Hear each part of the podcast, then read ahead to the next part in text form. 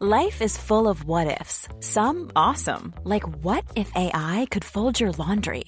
And some, well, less awesome, like what if you have unexpected medical costs? United Healthcare can help get you covered with Health Protector Guard fixed indemnity insurance plans. They supplement your primary plan to help you manage out of pocket costs. No deductibles, no enrollment periods, and especially no more what ifs. Visit uh1.com to find the Health Protector Guard plan for you.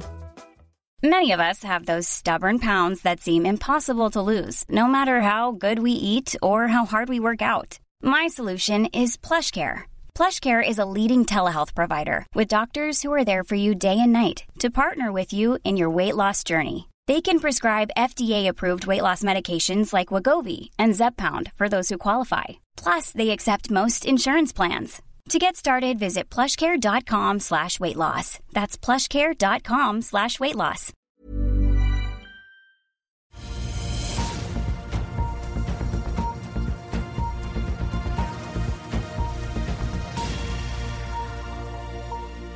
En riktig god morgen og velkommen til Børsmorgen her hos oss i Finansavisen denne tirsdagen. Mitt navn er Benedikte Storm Bamvik, og med meg har jeg aksjekommentator Karl Johan Molnes. Senere i sendingen så får vi også besøk av sjefstrateg i Handelsbanken, Halvdan Grangård, hvor bl.a. konferansen i Jackson Hole står på agendaen. Før vi hopper på dagens program, skal vi gå gjennom utviklingen på Wall Street i går, der Nvidia og Tesla sørget for tech-opptur, og Nasdaq steg 1,56% Ellers var SMP 500 opp 0,69% mens Dow Jones falt svakt.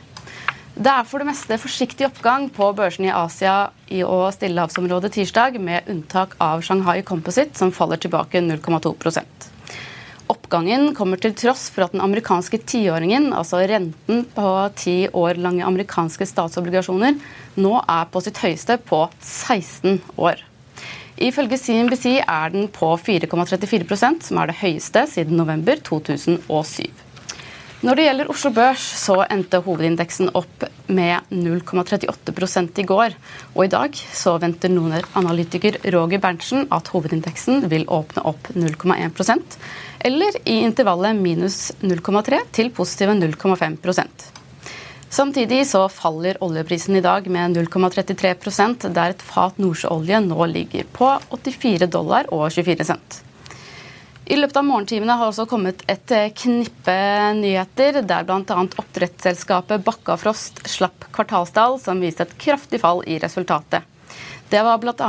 grunnet problemer med fiskedød gjennom andre kvartal. Selskapet påpeker at problemet kan også påvirke utviklingen utover i andre halvår. Samtidig har SSB kommet med en ny rapport som viser at norsk BNP hadde nullvekst både fra mai til juni og fra første til andre kvartal. Til sammenligning så vokste norsk BNP med 0,5% i mai. Sett bort fra bilkjøp så falt husholdningenes konsum, og det var svak utvikling i, svak utvikling i flere næringer. Telenor har også annonsert endringer i konsernledelsen, der Jørgen Rostrup utnevnes som leder for Telenor Norden, og Petter Børge Furberg, Børre Furberg utnevnes som leder for Telenor Asia. Det har også tikket inn oppdateringer fra meglerhusene, der bl.a. Danske Bank har vært kjappe med å nedjustere estimatene til Bakkafrost og kuttet kursmål fra 777, nei, 772 til 603 kroner per aksje. Til sammenligning så lå kursen på 568 kroner og 50 øre mandag ettermiddag. Og Før vi da går over på dagens gjest, Karl Johan, så skal vi se litt på hva som kan prege Oslo Børs i dag. Ja. Se på Bakkafrost, da. Ja, Bakkafrost, Tallene er jo eh, litt svakere enn forventa når de tar ned guidingen. Da. De, de, sier, de, tar ikke ned guidingen, men de sier det er en risiko for at de ikke når guidingen sin da, for eh, andre halvår. Og det er jo ikke det du trenger når du skal snu en trend etter et resultatvarsel. Og eh, så nå har Bakkafrost blitt en show me-aksje, det også. Du må liksom vise resultatet for at eh, man skal kjøpe eh, aksjen.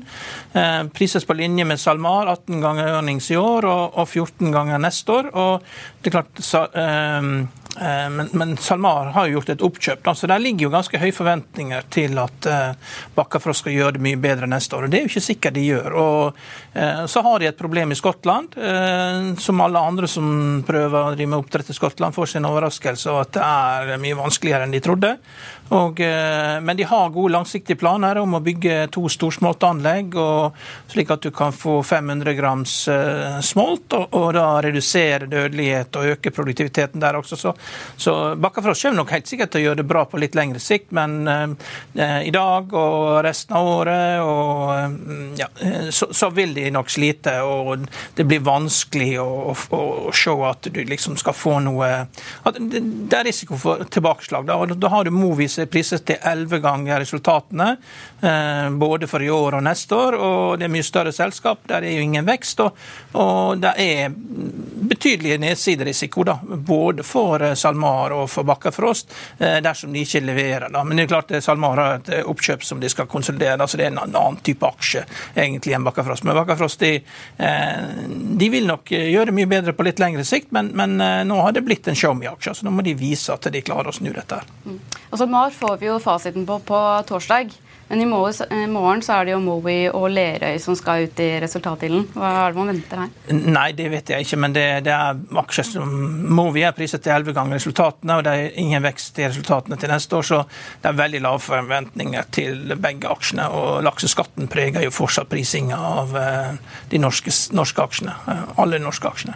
Men til tross for at det var ventet da det kom et resultatvarsel og videre i Bakkafrost, så Eh, måtte jo danske bank nå nedjustere estimatene ganske, ganske greit. Eh, det, tror du det er flere som vil følge deres eksempel i dag? Det kommer jo an på hvor mye de har eh, latt være å nedjustere tidligere. Da. Det er jo liksom det, så Det er rett og slett bare en oppdatering, jeg regner med, så, så man får en realitetsjustering. så Eh, det, jeg, jeg, tror ikke det blir så mange oppgraderinger, for å si det sånn. fordi man, Når du får en profittvarning, så tar det litt tid å absorbere det. og Analytikerne skal liksom uh, venne seg til at en aksje som har vært prisa til veldig høye multipler, ikke er det lenger. Så det her, uh, her det tar nok litt tid å absorbere dette. her, og Det er større fare for at aksjen går ned resten av året, enn at den stikker så langt av gårde på oppsida med, med slike tall som det er. Så så vi også at det var nullvekst i økonomien. Da. Bare et kort spørsmål om det. Jeg tror det kommer til å påvirke rentehevings- eller rentekurven og videre? Jo, det vil det påvirke det, men eh, kapitalen er jo et internasjonalt marked. og eh, vi har jo hatt ekstremtilfeller på 90-tallet hvor tyskerne eh, støvsugde hele verden for kapital for å slå sammen Øst-Tyskland og Vest-Tyskland. Da var renta i Norge 9 og, og inflasjonen var 2% så er, Vi er en del av et internasjonalt kapitalmarked. og Det som skjer i USA når langrenten går opp pga. At det er det de krever de skal kjøpe obligasjonene, så vil det det, er det viktigste som påvirker dette. her, eh, fordi når du har, eh, når du har eh, altså, real, altså, Når du har inflasjonen høyere enn renta, så det er klart her er ubalanser her. så Det, eneste, det virkelig, virkelig, raskeste måten å få ned norske renter på, er jo en, en skarp og rask nedgangskonjunktur ute, som gjør at, du, at USA må senke renten med 4% for å stimulere økonomien. Da, da skjer det. men det ser ser jo ikke ut at det skjer med det første, men det trykket som er akkurat nå, da. Mm. Eh, og så kan vi jo ikke komme oss utenom Telenor. bare litt kjapt der. Vi får jo Sigurd Brekke på besøk i morgen. Han skal jo da mest sannsynlig snakke om da, disse endringene i konsernledelsen. Men hva, hva tenker du skjer i Telenor-konsernet nå? Nei, Det er vel at uh, Jørgen Rostrup skal hjem til Norden. og Han har vært i Asia og slitt med det og, og gjort en god jobb. Nå er den jobben gjort. og de prosjektene som man skulle gjennomføre, er gjennomført. Og nå er det en ny fase som skal skje, og, og da, det, da, bytter man litt på. Og det er jo positivt at det skjer. Da. Så litt omrokering av, eh, på toppen. Så det er ikke sånn, eh, kan det være signaler på at det skal skje noe nytt i Asia? Nei, det har vel skjedd nytt. Det er ved, ved fusjon og børsnotering. Og eh, Telenor har jo sakte, men sikkert solgt seg ut både Øst-Europa og redusert sin, sin, eh, ja, sitt fotavtrykk også i Asia. Det er jo, når du børsnoterer, så er det lettere å selge seg ned når du eier ting. Da. Så det, eh, jeg vet ikke. Det må, du, det må nesten Sigve Brekke svare på når han kommer her i morgen. Ja, men det regner jeg med at vi skal spørre han om. Ja. yes, Da er vi straks tilbake med Halvdan Grangård fra Handelsbanken. Først tar vi en kort pause. Vil du bli oppdatert på det viktigste som har skjedd innen finans og næringsliv? Da er det bare å følge med, for hver morgen er jeg, Marius Lorentzen og aksjekommentator Karl Johan Malnes på plass i studio for å ta tempen på dagens marked i Børsmorgen. Og hver ettermiddag oppsummerer vi alt du trenger å vite i økonominyhetene, og det blir selvfølgelig masse interessante gjester. Klikk deg inn på fa.no-tv, eller søk opp Børsmorgen og Økonominyhetene der du hører på podkast. I'll see you in court. Vi sier det ofte litt på spøk men for deg som driver business, er det aldri moro å innse at du ikke har laget en 100% gyldig kontrakt. Du bør ikke risikere hele firmaet ditt fordi du synes dette med kontrakter er litt stress. En avtale er ikke en avtale. Du kan miste kunder, miste venner, ja, til og med miste inntekter om du ikke lager en skikkelig kontrakt, på alt mulig, egentlig. Men vi vet det er et styr. Kopimaskiner, tregprinter og haugevis av papir. Dessuten stoler vi jo på folk her i landet. Det er ofte litt kleint å skulle be om en signatur for alt mulig, ja, for mye av styret handler også om jakten på underskriften. Det finnes en enkel måte å løse dette på, Dukkobit, en trygg, effektiv og get this, gratis måte å sikre seg en god natts søvn pluss en juridisk bindende avtale. Dukkobit-appen har de strengeste sikkerhetskrav i bunn, samt en EU-godkjent og sertifisert teknologi. Framover vil det bli behagelig å spørre du, skal vi skrive under på det, eller? Kom i gang på dokobit.no.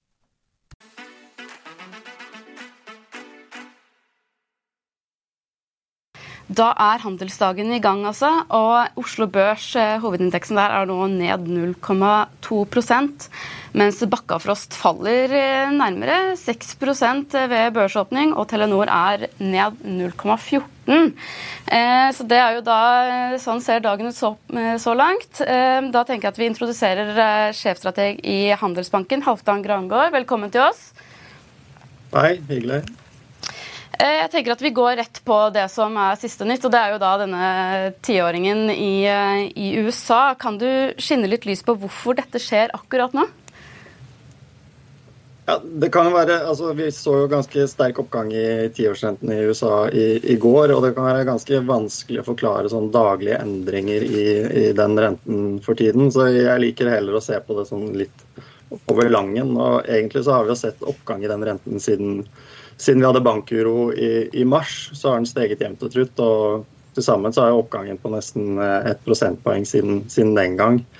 Uh, og Litt av bakgrunnen her er at i samme periode så har vi jo sett en oppgang i da, uh, styringsrenteforventningen. Så når den lange uh, tiåringen da er jo en lang markedsrente, så er jo styringsrenteforventninger knyttet til med de korte, korte rentene. Så, så, de går litt i takt. Så når markedet da forventer strammere pengepolitikk fra USA, så stiger også, også de lange rentene. Og Det er jo eh, en problematikk som vi har sett i markedet en god stund. Vi så det jo i fjor, hvor, hvor eh, lange renter steg og aksjemarkedene slet, eh, slet, veldig med det. I år har jo det bildet vært litt annerledes. I den perioden hvor, hvor tiåringen har steget siden mars, så har jo aksjemarkedene klart seg ganske bra.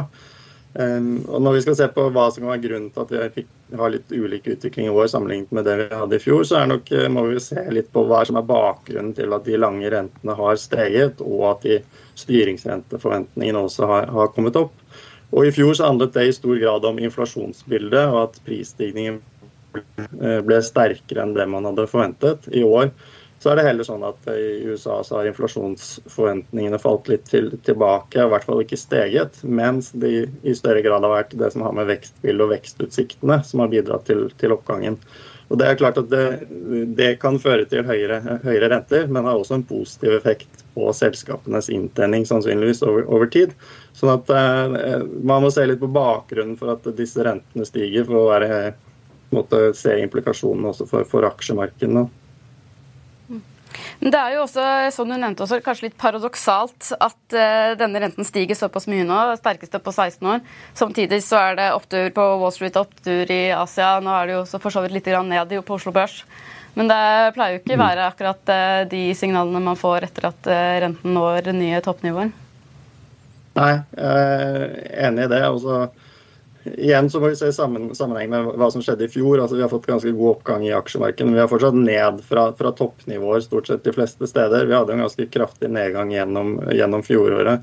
Sånn at eh, På sett og vis har nok investorer klart å, å, å, leve i større og større grad med, med høyere renter. Man blir mindre og mindre sikre på at eh, den renteoppgangen vi har sett, nødvendigvis må føre til en ganske sånn sterk eh, backlash i økonomien. og Det er jo noe investorer er sånn permabekymret perma bekymret for. Det er jo en resesjon, særlig da i den amerikanske økonomien. og det det var nok en helt klar hovedforventning for veldig mange investorer gjennom fjoråret. Nettopp på bakgrunn på at man ikke så for seg at økonomien kunne overleve så mye renteoppgang på så kort tid. Og så har man nok justert det synet litt og blitt eh, mer positiv på, på vegne av den amerikanske økonomien, og at man faktisk tåler den renteoppgangen man har sett. Men det er jo fortsatt stor usikkerhet da, rundt akkurat det her. og um, ja, Noe som, man, eh, som, potensielt kan føre til reprising av aksjemarkedet fra dag til dag, avhengig av hvordan de forventningene endrer seg. Mm. Tror du denne tiåringen kommer til å prege markedet denne uken eller i en god stund fremover? Hva tenker du kommer til å bli effekten av dette?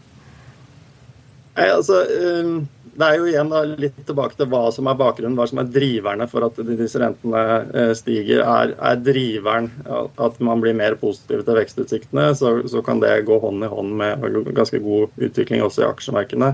Handler det mer om inflasjonsbildet eller andre ting, eh, så er det ikke sikkert at aksjemarkedene lever like godt med det. Eh, og det er klart at på litt sikt så de obligasjonsrentene vi nå ser, eh, vil jo også utfordre prisingen av aksjemarkedet på, på, litt sikt. Men det er ikke sikkert at den effekten måte, at vi ser den denne uken eller denne måneden eller dette året. Men det er klart at med klart høyere eh, tiårige statsrenter som vi snakker om nå, da, så har vi plutselig fått et alternativ for investorer som er mye mer attraktivt enn det var for fem år siden. hvor hvor eh, lange statsrenter var nær null, og også hadde en veldig sånn dårlig diversiseringsfunksjon i en portefølje, fordi at eh, rentene nesten bare kunne gå én gang. Nå har de jo kommet opp på et høyere nivå, gir en bedre direkteavkastning og også potensielt bedre beskyttelse i en portefølje. Da skulle man få en, eh, en nedgang i aksjemarkedene.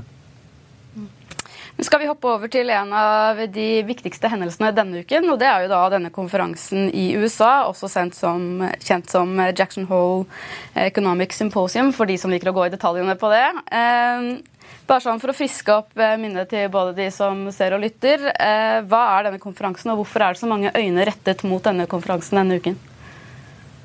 Jo, det er jo en konferanse da, som foregår i, Jackson Hole i USA og skal være et sånn sentralbanksymposium eh, hvor gjerne mange av de, de mektigste sentralbanksjefene rundt omkring i verden møtes. Eh, der blir det lagt fram en del ny forskning fra de ulike sentralbankmiljøene, i tillegg til at ofte så er det jo eh, sentralbanksjefene i de største sentralbankene, som Fed og ECB, har gjerne eh, en tale i løpet av, i løpet av det symposiet. Og sånn Historisk så har jo ved noen tilfeller nettopp dette symbolet blitt brukt til å komme med eh, altså pengepolitiske signaler, både fra Fed og, og, ECB, og også noen ganger ikke bare på en måte signaler rundt den løpende pengepolitikken, men også signaler rundt det pengepolitiske regimet og rammeverket, og endringer som man kanskje ser for seg at vil komme, eller har, er i ferd med å komme. Da. Sånn at eh, for markene sin del så har vi lært oss at dette er et, uh, et møte som vi bør følge med på, uh, fordi det kan komme signaler derfra. Nettopp. Og hva, hva, tror du man vil få ut av fredagens tale? Fra, da er det Jerome Powell som skal holde talen på fredag. Da. hva er det man forventer at han vil kunne si? Ja, For egen del da, så, så er jeg nok forventer jeg nok ikke all verden. Eh, det er klart at vi er i en situasjon nå hvor hele måte, pengepolitikken og hvordan det påvirker eh, finansmarkedene, er veldig i sentrum. Så jeg tror det er et dårlig tidspunkt for, for sentralbanken å på en måte skifte rundt på pengepolitiske rammeverk eller komme med mer sånn fundamentale endringer rundt hvordan de skal utføre pengepolitikken. Når det gjelder måte, de løpende pengepolitiske utsiktene, så er jo uh, flere medlemmer av da, rentekomiteen i, i, USA stadig vekk ute og snakker om hva de ser for seg, også Powell.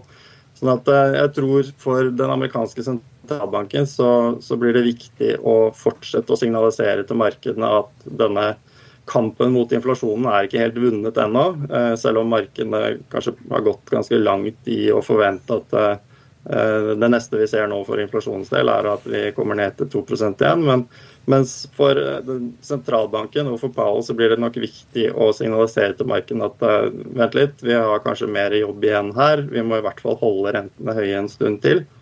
Sånn at ikke markedene allerede begynner å prise inn uh, veldig mange rentekutt på kort tid. fordi da på en måte ødelegger de eh, den jobben som sentralbanken prøver å gjøre ved å løfte markedsrentene og, og bremse økonomien litt sånn på kort sikt. da.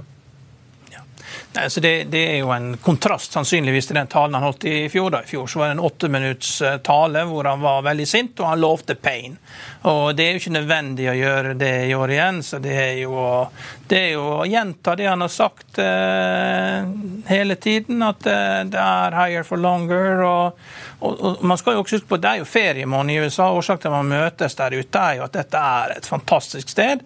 Det er liksom som å være ute på Vigra flyplass og se inn mot Sunnmørsalpene og få ro i sinnet. og eh, Nydelige Teton Mountains. og Det er ferie og unnskyldning for å alle møtes når det er ferie, og ikke kaste bort den tida. Å være ute i naturen og slappe av. Noen driver og fisker. Men egentlig dette hotellet er jo et skihotell. Det ligger jo rett ved foten av Jackson Hole. og der er jo, det er jo frikjøringsparadiset. Nå er ikke jeg noen veldig god frikjører på ski, men den gangen jeg var der ute, så var det mange som syntes det. Så her er jo muligheter til å være litt eh, Det er et sted som eh, ja, gir eh, noe til ånden også, for den som ønsker det. Det er veldig flott der ute. Takk til deg, Karl Johan. Da har vi fått temperaturmåleren på Jackson Hole der, i hvert fall.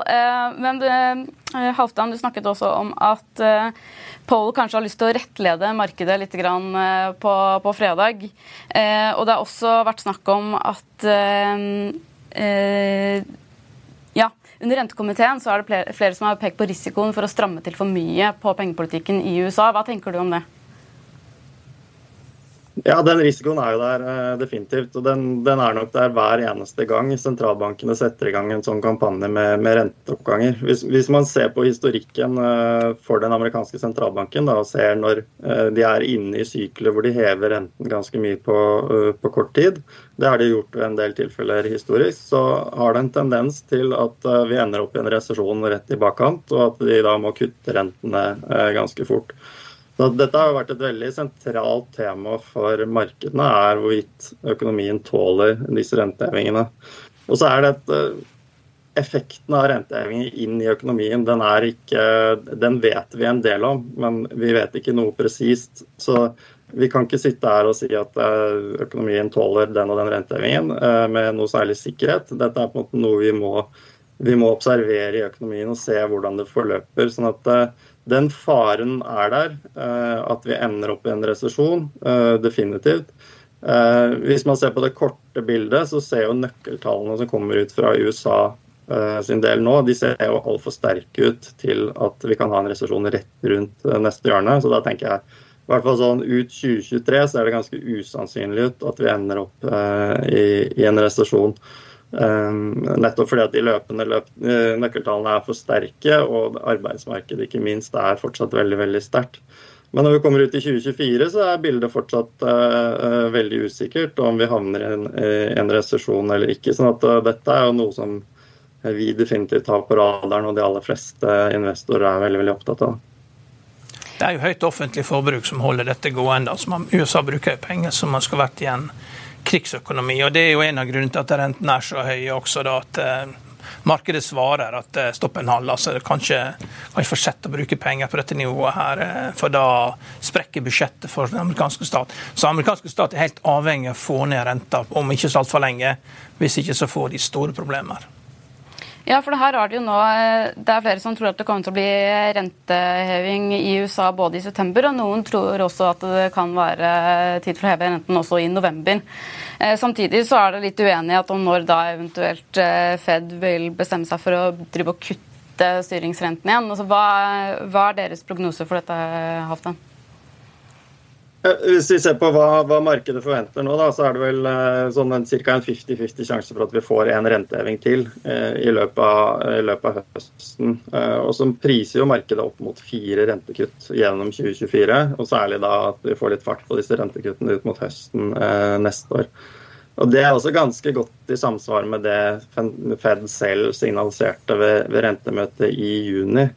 Sånn at eh, Jeg ser ikke noen grunn til å på en måte ha en veldig annerledes eh, forventning enn det. Det, det, det virker helt, helt, fornuftig sånn som tilstanden ser ut i dag.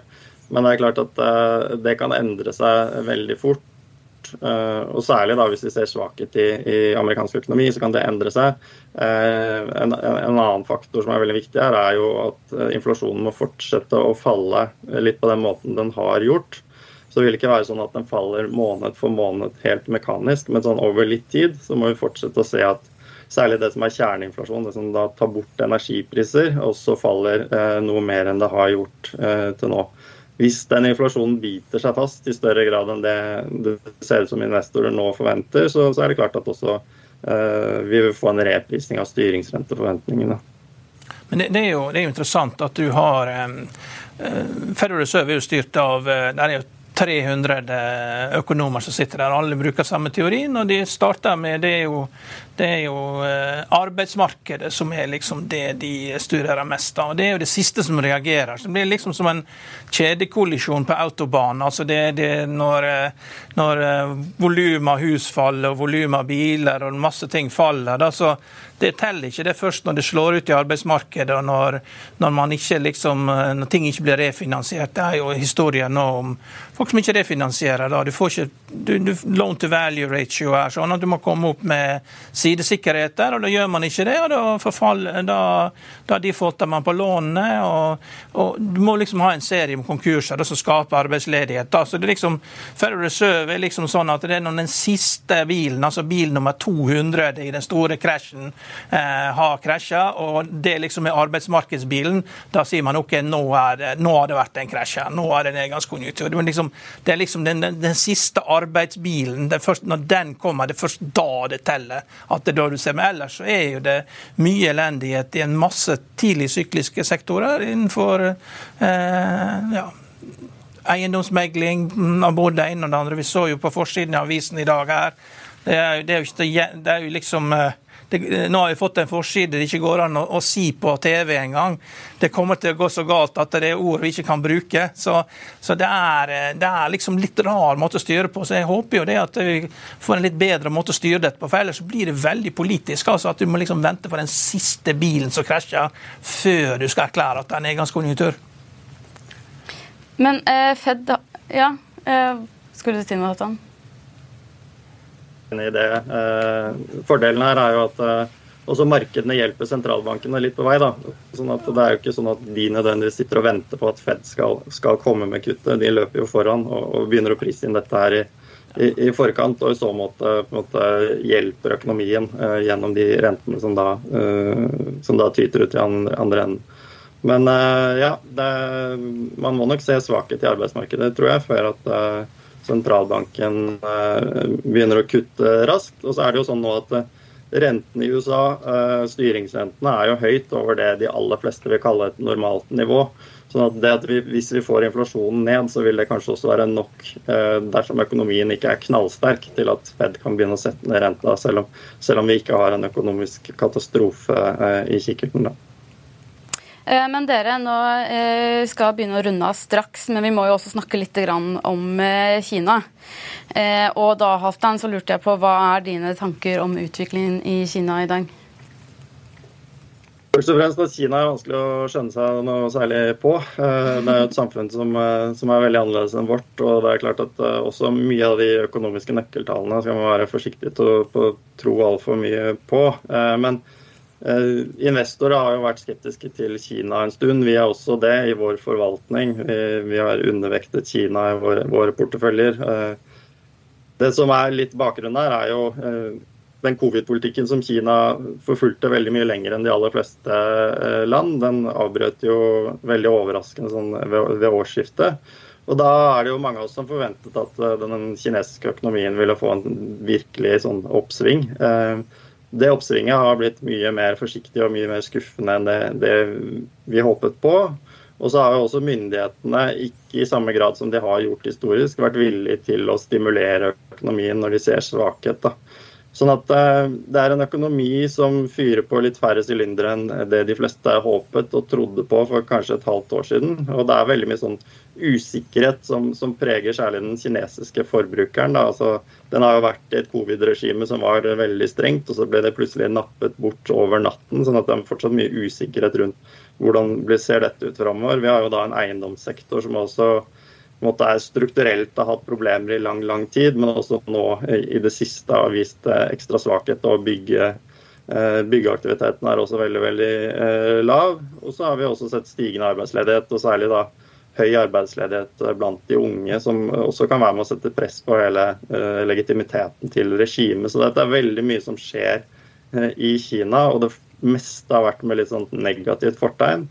Og så tror jeg vi som står på utsiden som vestlige skal være litt sånn forsiktige med å være eh, mene altfor mye og være altfor sikre på hva som foregår der inne. Men vi må heller på en måte følge med med argusøyne.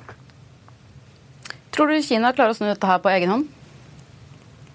Jeg tror de kan gjøre det på kort sikt. Altså, jeg tror at myndighetene, dersom de ønsker, eh, dersom de prioriterer det, eh, kan stimulere økonomien på samme måte som de har gjort før. Og så er det vel mange som er skeptiske til om dette er en langsiktig god strategi, inkludert myndighetene selv.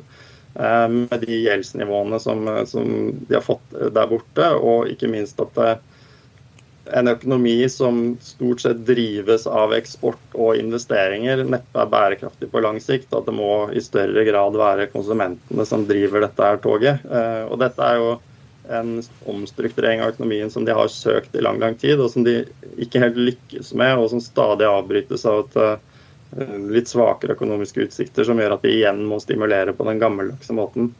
Det tror jeg de kan gjøre på nytt. Jeg er ikke sikker på om de vil det, men på et eller annet tidspunkt så, så må jo også myndighetene de må jobbe for sin egen legitimitet. Det er en slags kontrakt mellom myndighetene og befolkningen om at eh, myndighetene får lov til å ha et regime hvor de bestemmer det meste, så lenge den økonomiske veksten er høy og god over tid. Eh, hvis det siste faller bort, så, så kan det bli vanskelig å, eh, å styre over tid. Så Veldig vanskelig å si hva, hvordan dette ser ut på lang sikt. Jeg tror på kort sikt at det vil humpe og gå på et vis. Og så får vi se hvordan, hvordan det blir lenger ut. Ja, Det blir spennende å følge med på, Halvdan. Eh, jeg tror vi må mm. sette en strek der. Tusen takk eh, til deg for at du kom, Halvdan Grangård, sjefstrateg i Handelsbanken. Før vi setter en strek for eh, dagens sending, så skal vi ta en kjapp titt på andre nyheter. Der I dagens avis så skriver Finansavisen om eiendomsmegleren i Privatmegler, Anders Langtind, som slår krisealarm for leiemarkedet for boliger. Han sier han vet om mer enn 1000 leiligheter som skal selges fra store eiendomsbesittere de neste 18 månedene, og det er bare de han vet om. Du kan også lese om Arne Blystad som oppnådde nok et milliardoverskudd i fjor, hjulpet av mer enn en dobling av inntektene fra shippingvirksomheten. Mer om dette og mye, mye mer kan du lese om på fa.no. Og Dermed så runder vi av Børsmorgen for denne tirsdagen. Husk å få med deg økonominyhetene senere i dag klokken 14.30. Og I mellomtiden så får du siste nytt på fa.no gjennom hele dagen. Vi ønsker deg en riktig god dag videre. Takk for nå.